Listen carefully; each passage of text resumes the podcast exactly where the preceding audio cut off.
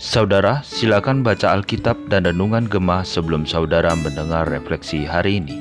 Shalom, Bapak Ibu Saudara sekalian. Mari kita akan memulai merenungkan firman Tuhan. Mari kita meminta pertolongan Tuhan. Kita berdoa. Tuhan, berbicaralah kepada kami lewat firman-Mu. Tolonglah kami mengerti dan mengaplikasikannya di dalam hidup kami. Terima kasih Tuhan, kami berdoa kepadamu di dalam nama Tuhan kami Yesus Kristus. Amin. Bapak Ibu Saudara sekalian, pembacaan gemah kita sudah sampai kepada Imamat pasal 6. Melalui perikop ini, Tuhan menunjukkan step-step yang harus dilakukan supaya orang berdosa bisa ditebus dan diampuni. Jadi, kalau umat Tuhan di perjanjian lama berdosa, imamat pasal 6 ini memberitahukan bahwa orang berdosa ini harus membawa korban binatang kepada imam. Kemudian imam menurut peraturan Tuhan harus membakar korban binatang tersebut. Korban bakaran ini harus dibakar semuanya dengan api yang tidak boleh padam. Api harus membakar keseluruhan korban binatang itu sampai habis. Baru dengan demikian, ayat yang ketujuh mengatakan, imam mengadakan pendamaian bagi orang berdosa itu di hadapan Tuhan, sehingga ia menerima pengampunan atas perkara apa pun yang diperbuatnya. Bapak Ibu Saudara sekalian, siapakah karakter yang paling penting di dalam keseluruhan proses pengampunan dan pendamaian bagi orang berdosa? Ada satu frase yang muncul tiga kali berturut-turut di dalam ayat 8, ayat 12, ayat 13. Ayat yang ke-13 mengatakan harus dijaga supaya api tetap menyala di atas mesbah. Janganlah dibiarkan padam. Bapak Ibu Saudara sekalian, Tuhanlah yang paling utama dalam pekerjaan merestorasi dan merekonsiliasi orang berdosa api yang terus menyala tidak boleh padam menunjukkan Allah yang bersedia terus-menerus available, hadir, ada untuk mengampuni umatnya.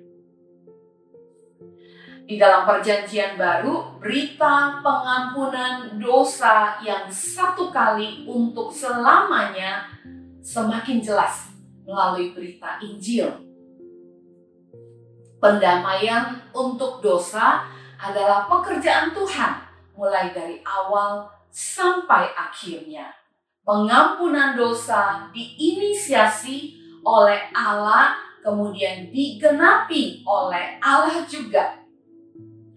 Dengan mengutus Yesus Kristus, anak domba Allah yang mati menggantikan kita orang berdosa.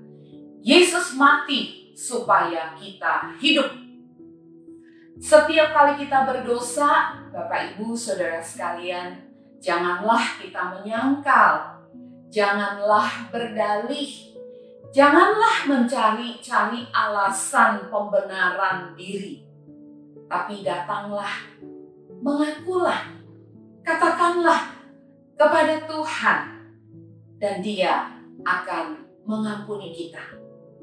Tidak peduli apa pun yang kita lakukan, sebesar apa pun dosa kita, atau sesederhana apa pun dosa kita, kita pasti menemukan pengampunan di hadapan Tuhan.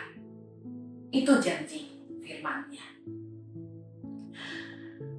Respon yang tepat terhadap anugerah yang begitu besar tentunya bukan Puji Tuhan, jadi mulai sekarang kita boleh berbuat dosa apa saja lalu Tuhan akan selalu mengampuni kita, maka kita aman.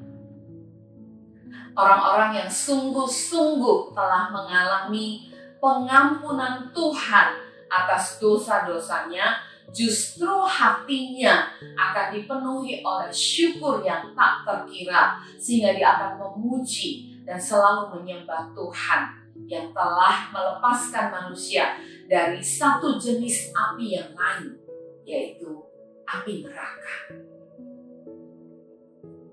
Bapak Ibu Saudara sekalian, apakah engkau menanggung beban kesalahan, dosa yang sangat besar di bahumu? Datanglah kepada Yesus.